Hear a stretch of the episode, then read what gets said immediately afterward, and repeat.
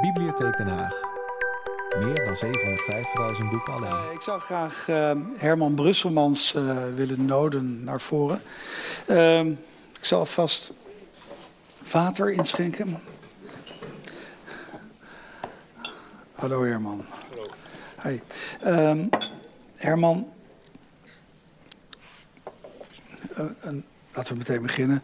Een uitspraak van je, je hebt er vele gedaan, maar een uitspraak van je is dat je, als je gevraagd werd naar uh, ja, wat je hoofdpersonen zo kenmerkt, wat ze met elkaar gemeen hebben, is dat je iemand wou maken die alles kon in het leven, op een bepaalde manier. Is dat nog steeds zo? Bij sommige personages is dat zo. Uh, ik heb verschillende soorten boeken. Hè. Personages die fictief zijn. En personages, ik-personages meestal die gebaseerd zijn op mezelf. Mm -hmm.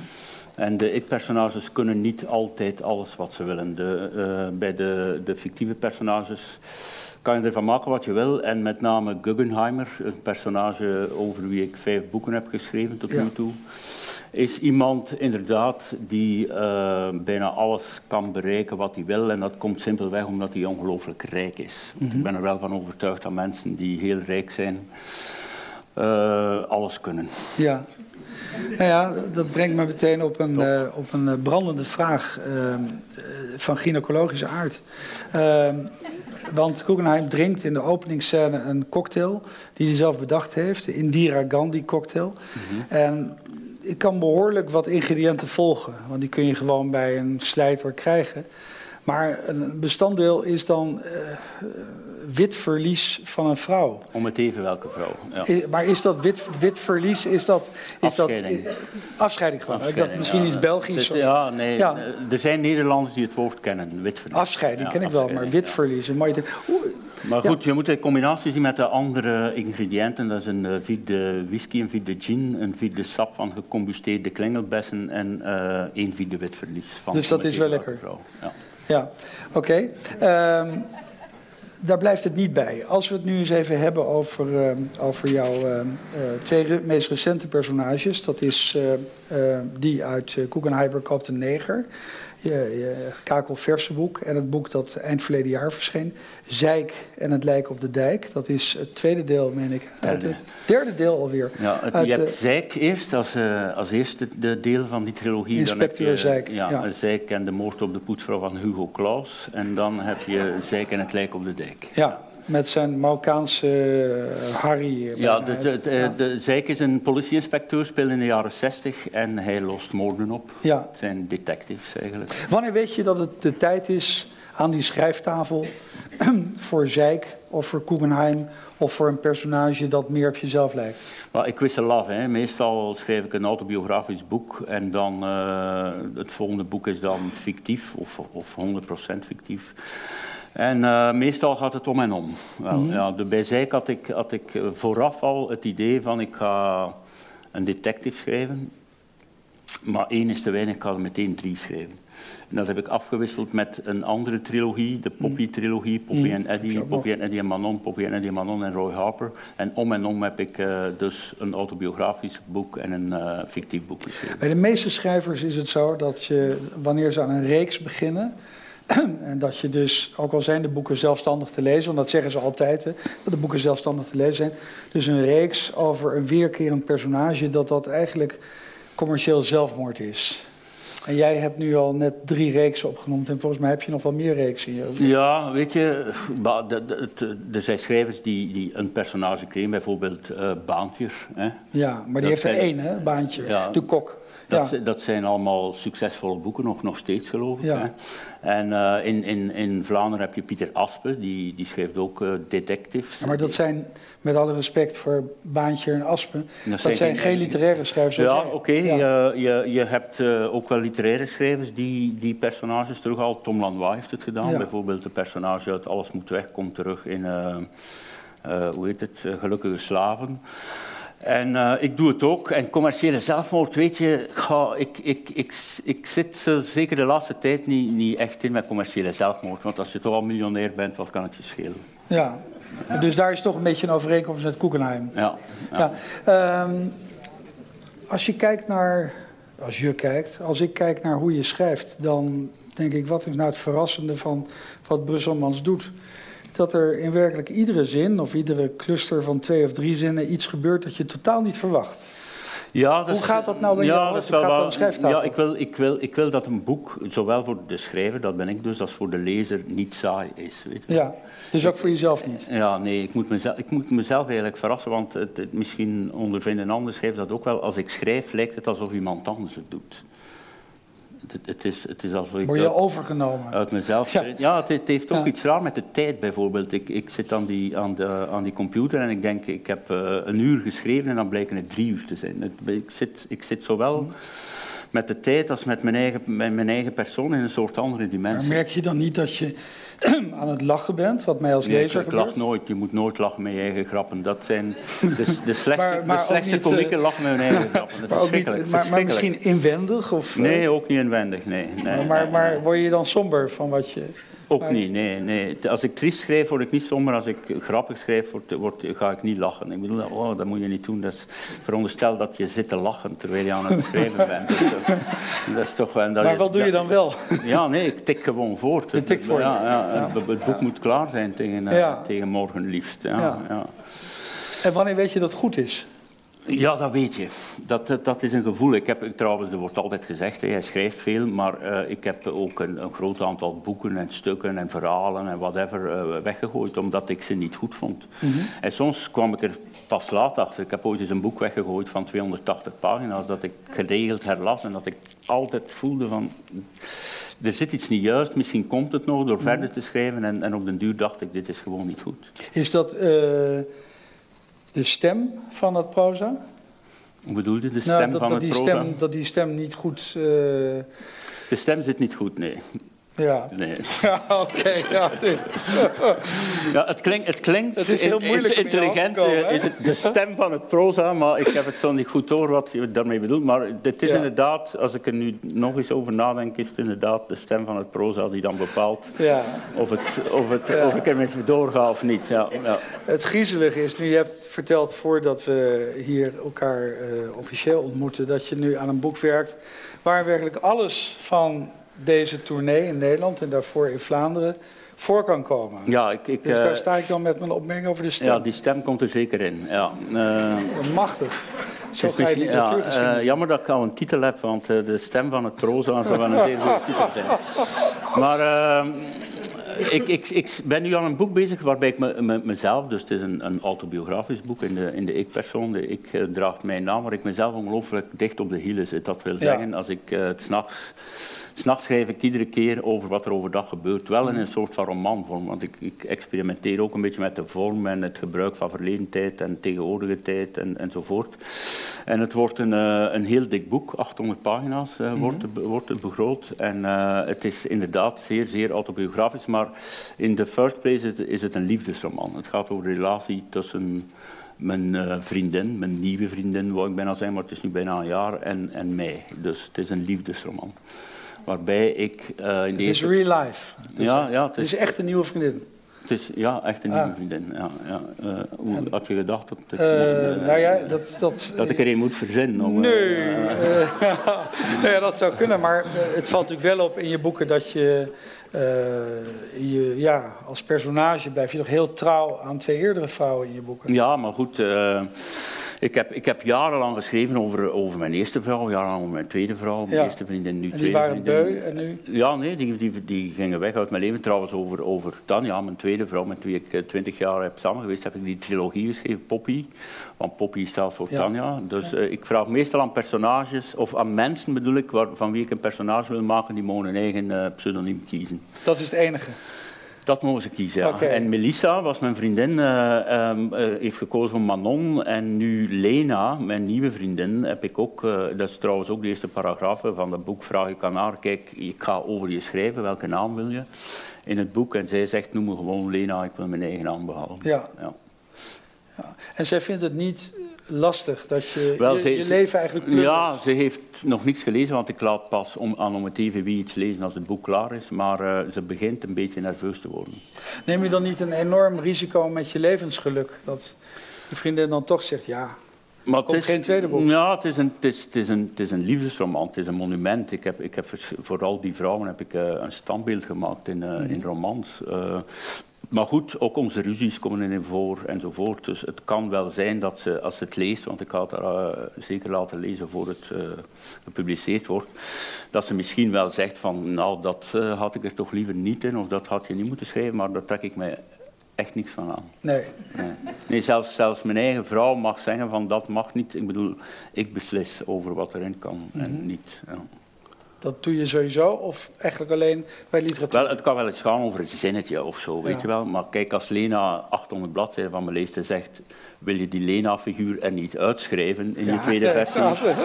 Dan zeg ik liever niet, weet je wel. Nou, Maar ehm, dat is mooi, een, een monument voor de liefde, eh, gebaseerd op je leven op zo'n manier dat je het leven dat je net een minuut geleden geleefd hebt, alweer in, in tekst terugziet, mhm.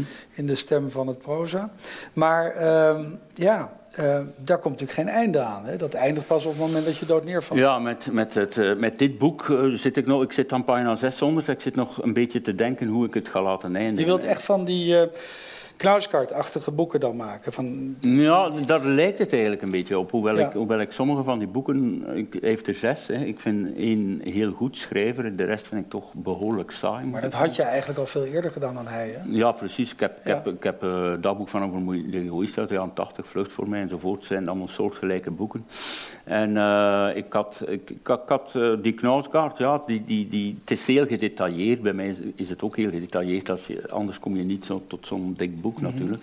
Maar de vraag is natuurlijk hoe, hij, hoe, hoe eindigt zo'n boek. Hè? Wanneer, wanneer zeg je, ja, nu stop ik. Ik stop bij gisteren. Gisteren is er nog dat gebeurd. En natuurlijk gebeuren in die boeken niet zo, niet zo echt spectaculaire dingen, zoals, er in mijn leven, eh, zoals die in mijn leven ook niet gebeuren.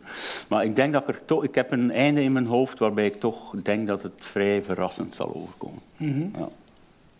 Een einde van de hele reeks of een einde van dat deel?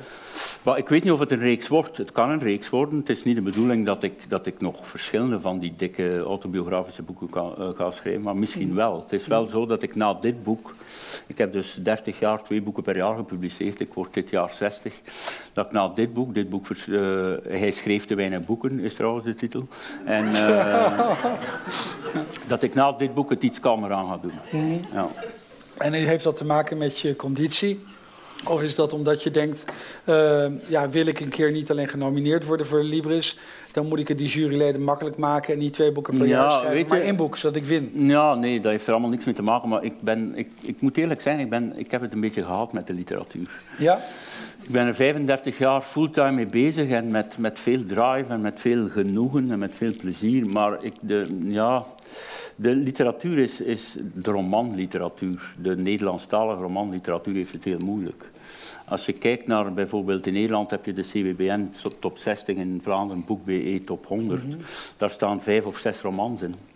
We leven dus in een complete bestsellercultuur. Waarbij één boek of twee boeken per jaar een hele uitgeverij moet, moeten recht houden. Eh, en er wordt nog heel veel uitgegeven, maar er is zoveel dat, dat niet besproken wordt. Ook, er worden zelfs heel slechte boeken toch nog uitgegeven. Sommige daarvan worden dan ineens bestsellers zonder enige reden. Ik ben een beetje de weg kwijt in, in de hele literatuur. Misschien is het ook logisch dat als je 35 jaar en 75 boeken hebt geschreven, dat je het, dat je het wat kalmer aan wil doen. Dat kan ook. ja. En een fysieke kwestie is het niet echt, want ik, ik, functioneer nog. En, eh, en ook eh, geestelijk zeg ik, kan, eh, kan ik het nog wel aan. Maar ik zeg het, misschien om het even wie een baan heeft of een job doet, Die- 35 jaar aan een stuk, die heeft hij Ja. misschien gehad. Ja. Ehm, je hebt eerder wel eens een, heel uitgebreid eh, geschreven dat het schrijven eigenlijk ook iets beteugelt in je. Dat het, eh, je zei net geestelijk al, dat het eh, alle wanen, alle nare gedachten. Ja, het schrijven Alle- heeft me geholpen bij geestelijke aberraties en, Ja, en, geest- geestelijke onvolkomenheden. Ik heb, ik heb heel lang la- last gehad van angststoornissen, Mhm. angstaanvallen ook. En uh, de twee of de drie dingen die me, de vier eigenlijk, dingen die me daarbij geholpen hebben, zijn ten eerste uh, wilskracht. Zeggen van, ik heb angst om iets te doen, maar ik ga het ook doen. Ten tweede de steun van mensen uh, die, je, die je proberen begrijpen hoe het precies zit met zo'n stoornis. ten derde pillen, gewoon de chemie. En ten vierde zeker de literatuur. Mm -hmm. En niet per se wat ik schrijf, maar dat ik schrijf. Dat ik toch iedere keer wat ik waarmee ik begon, dat ik uit een andere wereld kon treden. Laten we zeggen dat ik tijdens het schrijven nooit echt een angstaanval kreeg. Mhm. Terwijl ik die op ieder ander moment van de dag wel kon krijgen. Het mhm. zij zelfs in mijn bed, in een auto, daarom dat ik ook niet meer, niet meer met de auto rijd het zij in een, in een, in een vol café of, ofzovoort. Het was echt wel een probleem. Maar je bent nu zo sterk dat je denkt, ik kan wat minder schrijven? Nou, ik, ik, eh, ik ben, want ik spreek die, die angststoornissen, die zijn begonnen in de eind jaren 70. Dus dat, ik heb ze eigenlijk bijna een heel decennium in de jaren 80 heel veel last van gehad. En die zijn onder controle voor 90 mm. procent. Eigenlijk ben ik er, uh, ben ik er vanaf, maar uh, het, je weet nooit, het sluimert. Je bent er nooit echt 100 procent vanaf. Maar goed, minder schrijven betekent natuurlijk niet niet schrijven. Hè. Ik bedoel, uh, één boek per jaar in plaats van twee. Plus ik heb ook acht columns lopen, dus ik blijf wel schrijven. Ja. ja, ja. Ehm, ben je nog steeds, we hebben elkaar ooit eenmaal eerder ontmoet, tenminste bij toen heb ik je geïnterviewd. Dat interview duurde zeven uur. Want je had enorm veel te vertellen. En toen bleek ook dat je een enorme lezer bent. Ja, ik ben een, uh, ja het, het, hoort bij mijn vak. Ik kan niet begrijpen dat een schrijver zegt van uh, ik lees weinig. Ja. Want je leert bij, je leert hoe het moet, je leert hoe het niet moet. Plus in, in Maar heb je, heb je die gretigheid nog wel je zei net iets over de deplorabele staat van de Nederlandse literatuur. Ja. Maar heb je die de gretigheid nog wel naar andere genres? Ja, nou, nou, ik, lees, ik lees heel ruim, weet je wel. Ik, ik lees heel veel non-fictie. Zeker, ja. uh, ik ben zo'n beetje freak. dikke Hitler-boeken toen ja, ik had, ik had, ben een beetje Tweede Wereldoorlog freak. En... Uh, en uh, ik, ik, ik, volg ook vooral de Nederlandstalige fictie een beetje op de voet. Je kan niet alles lezen, maar ik probeer het wel bij te houden. En het, het is natuurlijk zo, als je 18 bent en je begint te lezen, krijg je vaak een klap op je kop van wat een fantastisch boek is dit. Wat mhm. natuurlijk veel minder is als je 60 bent en al, ik heb het eens uitgerekend, 12.000 boeken mm. hebt gelezen of zo. Maar het gebeurt nog. Ik heb uh, nu een schrijver ontdekt, uh, jij kent hem zonder twijfel, Donald Trey Pollock. Ja. Een Amerikaanse, zwart? Ja, een Amerikaanse schrijver die heel laat is beginnen schrijven. Hij heeft heel zijn leven gewerkt, denk ik, in een papierfabriek en dan een schrijfcursus gevolgd en is dan gaan schrijven. Hij heeft nu een roman uit De Hemelse Tafel, heet die. Mhm. Ik vind het fantastisch. Mhm. Ik lees het en ik denk van shit, mhm. hiervoor lees ik. Ik lees misschien tien kutboeken en dan kom ik dit boek tegen en dan ben je weer blij dat je, dat je een lezer bent. Uh, er is laatst een, uh, een, een verzamelbundel verschenen over engagement in de literatuur. Uh, Auke Hulst heeft die bundel samengesteld. Uh, toen kwam er kritiek in de krant uh, van Christian Weitz, iemand om serieus te nemen. En die zei, ja, waarom is engagement in de Nederlandse literatuur altijd meteen links engagement? Waarom staat een schrijver als Herman Brusselmans hier niet in? Ja, Die vraag stelde hij. Ja, natuurlijk. Je zou me niet een geëngageerd schrijver kunnen noemen. Ik, ik, ik fixeer me nooit op één onderwerp. Je, ik zou bijvoorbeeld, je zou een roman kunnen schrijven, wat Tom Lanois gedaan heeft, over de, de, de politiek in de jaren tachtig. Hij heeft een trilogie geschreven met heel herkenbare personen, onder andere van Vlaams Belang enzovoort, Vlaams Blok in de tijd. En ik heb er ook wel eens over nagedacht. Ik wil een, ik wil een politieke roman schrijven. Maar het, het, valt me moeilijk om, om met te fixeren op één onderwerp of één periode of één persoon of één partij of wat dan ook. Maar in al mijn boeken zit wel een soort van engagement. Je kan uit al mijn boeken wel opmaken waar ik voor sta en hoe ik denk. En zeker nu in dit, in dit dit nieuwe boek, uh, hij schreef mijn boeken, volg ik inderdaad. Het boek begint ongeveer toen de discussies begonnen tussen uh, Trump en, uh, en Clinton. En ik volg inderdaad ook wel wat er aan de hand is in de wereld in dat boek. Van, ik keek naar de televisie en ik zag dat, ik las de krant en ik las dat. Ik zat te bedenken en, en, en ik dacht dat over over. Eh, mijn, mijn, mijn, mijn, theorie nu is dat, dat, dat de wereld eigenlijk uh, niet meer afhangt van links en rechts of moslim en niet-moslim enzovoort, maar gewoon dat we in een periode zitten waarin het misschien toevallig, je weet het niet, ongelooflijk veel uh, crapuleuze dictators zijn. Die het roer in handen hebben. Tot en met in Europa met Erdogan en dan in Noord-Korea en dan in China en dan Trump die niet helemaal spoort en dan Poetin in Rusland. En die, dat, dat is een aantal mensen, misschien twintig mensen, Kabila en Congo enzovoort, die op dit moment bepalen dat we misschien wel op weg zijn naar een nieuwe wereldoorlog. Mm Zou dat soort figuren, zouden die personages in je boeken ja, kunnen absoluut. zijn? Ja, absoluut. Het, het, eh, het, het, het, zijn zelfs dankbare personages. Maar je moet je natuurlijk verdiepen in die figuren. En het feit is dat alles wat over hen verschijnt, uh, of het, het meeste, dat is allemaal gelogen. Die figuren zorgen er zelf wel voor dat hoe ze, Kijk, die Assad, die vergeet ik dan nog, het grootste mhm. stuk rapul vergeet ik dan nog. Assad in Syrië, wat is er bekend van die man? Mhm. hoe, kun je, hoe, hoe, kun je daar een personage bouwen? Je kan iemand verzinnen die erop lijkt je een personage verzinnen waarvan je denkt dat is een soort Assad. Mm En dat zou een heel interessant roman zijn om zo iemand te vatten. Maar goed, binnenkort wordt die openlijk uh, opzij gezet en dan, dan, dan, zijn we er, dan zijn we die kwijt. En dan moet er geen roman meer over geschreven worden. Hij zit eigenlijk niet eens waard. Maar de pest is dat als Assad in Syrië opzij gezet wordt, dat er gewoon een nieuwe Assad komt. Mhm. ja, en dat is, dat is de kwestie in hele in heel het Midden-Oosten en ook in heel Afrika. Maar dat is een waarschijnlijk heel realistisch uh, beeld van de wereld, maar niet een heel mm, optimistisch. Nee, ik ben, ik ben, absoluut geen optimist. Nee. Nee, want kijk, als, als, als mensen zoals, zoals Trump president van Amerika kunnen worden, dan kan je geen optimist zijn. Mm tot nu toe valt het allemaal nog mee, kun, mhm. kun je zeggen. Maar volgens mij gaat die steeds gekker en gekker worden. Mhm. ja. Kleeft er dan niet iets uh, heel positiefs aan zo'n vrijgevochten figuur als Guggenheim? Ja, dat is... Dat is, dat is on... Kijk, een boek als, als Guggenheimer moet zowel voor de lezer als voor, voor mezelf moet ontspanning zijn. Mm uh, het, is eigenlijk, het is eigenlijk het, zwartste boek van de vijf, van Guggenheimer. Hij wordt steeds erger. Hè? Ja, hij wordt ook in zijn hoofd wordt hij, wordt hij steeds erger. Dus om de mensen, om het even te situeren, Guggenheimer is een zeer rijke Joodse man.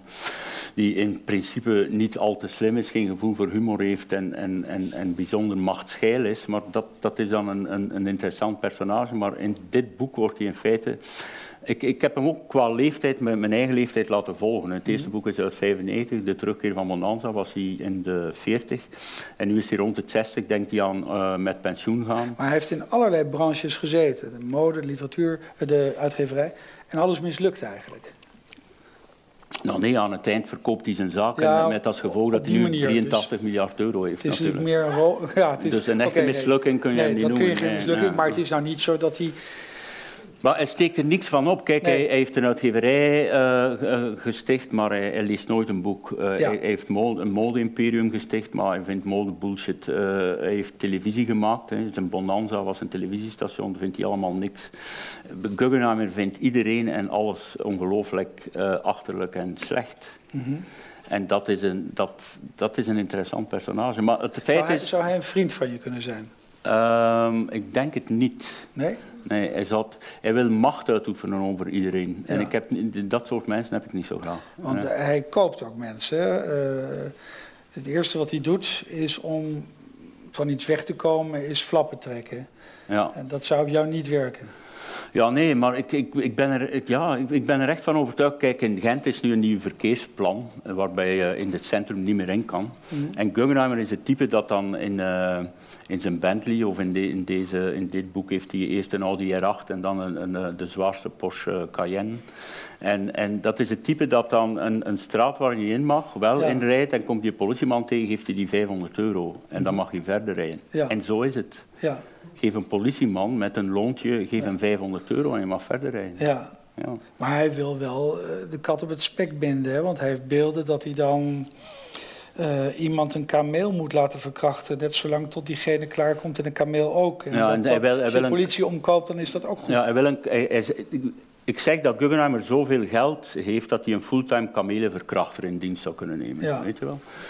En er zijn, er, er zijn, er zijn zo'n mensen. Ja, die ja. mensen bestaan. En al die, die, die, die klootzakken die ik daarnet om, opnoem, dat zijn, dat in de eerste plaats zijn dat mensen met ongelooflijk veel geld. Mm -hmm. Die hebben ook allemaal een positie als president of premier van een land allemaal gekocht. Mm -hmm. Wat bracht het succes jou, ook in materiële zin?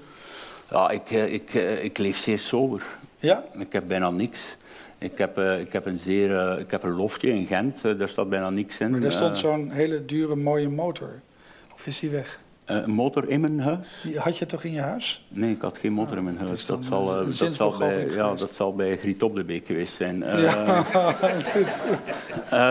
ik, heb, ik heb een drumstel dat ik gekregen heb voor mijn 60ste verjaardag, die nog moet komen ja. van mijn uitgever. En ik heb deze week wel, en dan moet ik, ik heb een motor, dus een Triumph. Maar volgens mij stond die in je huis. In nee, nee. Spaarroodflessen, nee, nee, motor? Nee, dat was in mijn garage toch ja, okay. Ik heb nu een, dus Triumph, ik een, een, Triumph. Ik heb nu deze week een tweede Triumph gekocht van 9000 euro, dus dat is niet zoveel.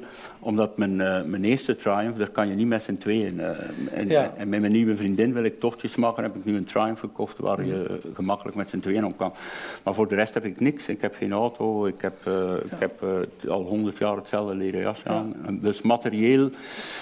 geld interesseert me, heeft me alleen maar geïnteresseerd in die mate dat het me in staat stelde om alweer een jaar te gaan schrijven. En nog een jaar en nog een jaar enzovoort. Ja boeken die gretig aftrek vinden?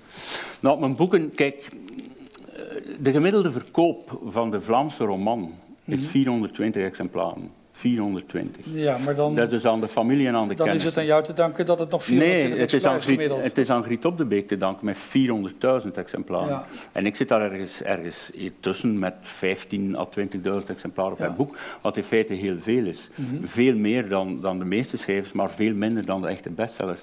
Je hebt nu en dan een fenomeen, en dat is wel interessant om dat, om dat te bestuderen. Ik ben daar, uh, om mezelf te vermaken, wel eens mee bezig. Je hebt het fenomeen, jullie kennen het waarschijnlijk nu ook in Nederland, Lise Spit. Mm -hmm. Dat is een meisje van 27 dat een uh, debuut heeft uitgebracht, Het Smelt, bij uitgeverij Das Mag, hier in Nederland, een nieuwe uitgeverij. En dat is een enorme bestseller in Vlaanderen. Ja. En nu ook aan, in Nederland aan het worden, ja. want ik zie dat ze op nummer 12 staat in de, Ja. in de top uh, 60. En het is, het is bijna niet te doen, maar het is wel interessant om eens na te gaan hoe komt het dat uitgerekend dat boek en honderd andere boeken niet een bestseller worden. Want ik heb het boek uiteraard gelezen en het is, je kan zeggen het is voor een debutant niet onaardig. Mm. Maar voor de rest is het, vind ik het niet bijzonder, behalve dat er ongelooflijk veel taalfouten in staan. Maar, en dan, zeg, dan ineens wordt dat een bestseller. Hoe komt Ja. dat? Ja. Hoe, weet jij het? Jij die ook in het vak zit, eh, weet jij, ik, weet- ik, je, je kan het onmogelijk... Ja, Kijk, loopt- mochten we het kunnen voorspellen, mee, hè? Dus- ja, mochten we het kunnen voorspellen, zouden we allemaal iedere dag een hit hebben natuurlijk. Ja. Maar dat is nu, is nu wat de literatuur is. En ik heb, ik heb een, een soort van vast publiek dat met me mee is gegroeid en dat mijn boeken koopt. Sommige zijn afgehaakt, er komen er weer andere bij. Maar wat, wat de meeste schrijvers, eh, zoals ze ooit al zo'n publiek hebben gehad, kwijt zijn, is het jonge publiek. De mensen van 16, 17 die met veel eh, plezier beginnen te lezen, die zijn zwaar verminderd. Ja. En dat, ja, de, de redenen daarvoor zijn niet ver te zoeken. Jonge mensen zijn zelf bezig met schrijven, want ze, ze schrijven al, al- alles op eh, Facebook en Instagram en foto's enzovoort. Dus eh, de, we kunnen niet omheen dat het literaire boek een verouderd medium is geworden. Mhm. En tegelijkertijd, eh, voor dit programma begon, waren er studenten van, nou, wat zullen ze zijn geweest, nog geen twintig, die aan het posten waren om jou maar te kunnen spreken. Ja, maar dat zal ik je vertellen, De Jeroen. zangeres Je- je- zei... Ik zal je vertellen, Jeroen. Die mensen hebben een afspraak gemaakt met mij, kunnen we je interviewen voor een tijdschrift Geestdrift. Ik zeg, ja oké, moet je in Nederland zijn? Ja, in Den Haag, eh, over twee weken, ja, we komen naar Den Haag. Dus die jongens zijn hier, twee jongens en een meisje, van twintig, zoals je zegt, heel interessant, gaan een, een, een interview doen met mij, gaan een stuk brengen over mij in Geestdrift. En de eerste vraag van die jongen is van, je hebt nu 72 boeken geschreven, en eh, hoe gaat dat dan precies? Ik zeg 72, dat klopt, of fijn zijn er 74, maar hoeveel heb je ervan gelezen? Geen enkel. Ja, En dan moet ik blij zijn dat ze me komen interviewen. ja, Dan, en dan krijg je vragen zoals, waarom heb je lang haar? Ja, Ja. Dan zeg ik, op iedere vraag, dat staat in mijn boeken, dan moet je Ja. mijn boeken maar lezen. ja. Maar dat, dat, dat is dan de jeugd van... Die, die jongens studeerden Nederlands. Enfin, niet, niet iedere Nederlandse, eh, Nederlandse student moet mijn, moet mijn boeken lezen. Kan ook eh, het Vogelhuis of, of om het Evenwelboek lezen.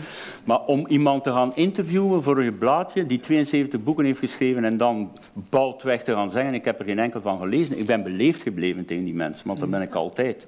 Maar eigenlijk, eigenlijk is, het, is, het, is het bullshit. ja. En dan, dan, dan denk je inderdaad van, oeh, de jonge mensen zijn gek op mij en lezen al mijn boeken. Nee, ze willen een kutblaadje vol krijgen op de rug van iemand van wie ze geen enkel boek gelezen hebben. Nee, ik word er toch wel een klein beetje pissig van, Ja. weet je wel? Ja. Ja. Kan dat tij gekeerd worden? Goh, ik, ik vraag me af, eh, me af hoe de literatuur... Enfin, je kan je ten eerste afvragen, wat was de status van de literatuur vroeger? Voor jou was die belangrijk. Ja, maar vroeger, zelfs voor mijn tijd, Ja. toen werden, eh, dat moet je toegeven, recensenten en iedereen die met literatuur te maken had, werden ernstiger genomen. Eh, de schrijvers werden ernstiger genomen. Nu ben je toch... Je kan eigenlijk ook maar iets gaan betekenen als je in de wereld Door hebt gezeten. Maar dan zit je niet als schrijver, dan zit je iemand die kut en lul zegt. En die de volgende keer weer kut en lul moet zijn en de volgende keer weer. En Ja. als je zegt tegen de redactie, nu zeg ik geen kut en lul meer, dan wordt je niet meer gevraagd. Snap je? Dat is wat de literatuur geworden is. Vroeger werd literatuur veel ernstiger behandeld. Het werd echt behandeld als een medium. Dat Ja. ook iets kon betekenen voor de lezer. Dat de lezer iets kon bijleren. Dat de lezer op andere gedachten kon brengen enzovoort. Nu is het allemaal inderdaad, wie heeft de bestseller? In barre tijden wordt er wel meer gelezen. Hè? Dat is natuurlijk wel weer zo. Ja, maar, maar ik weet niet of, er- of... Ja, het zijn barre tijden, maar ik weet niet of er meer gelezen wordt. Nee, nee dat denk ik Ehm, niet. nee. Nou ja, het komt natuurlijk door de invloed van een gepersonaliseerd medium als de televisie.